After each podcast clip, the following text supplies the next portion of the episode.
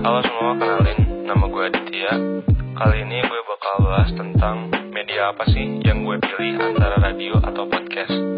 Pada dasarnya, kedua media ini memiliki karakter tersendiri. Seperti seorang penyiar radio perlu memiliki keahlian untuk menjadi komunikator yang baik, yaitu improvisasi dan spontanitas berbicara. Sedangkan seorang podcaster cenderung lebih simpel, bisa menentukan tema atau menulis skrip terlebih dahulu. Suaranya pun bisa direkam dan diedit. Tetapi tentu keduanya harus memiliki sifat informatif. Kalau harus milih salah satu, gue bakal milih radio. Karena dari kecil gue suka banget sama suara radio.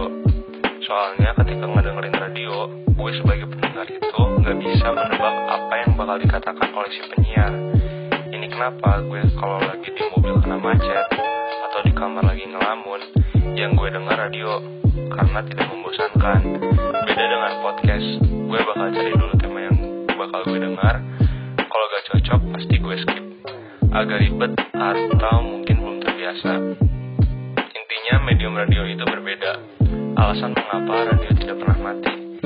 Dari awal menjadi media komunikasi, radio tetap eksis walaupun muncul TV dan media komunikasi yang lain seperti juga radio punya suara yang autentik.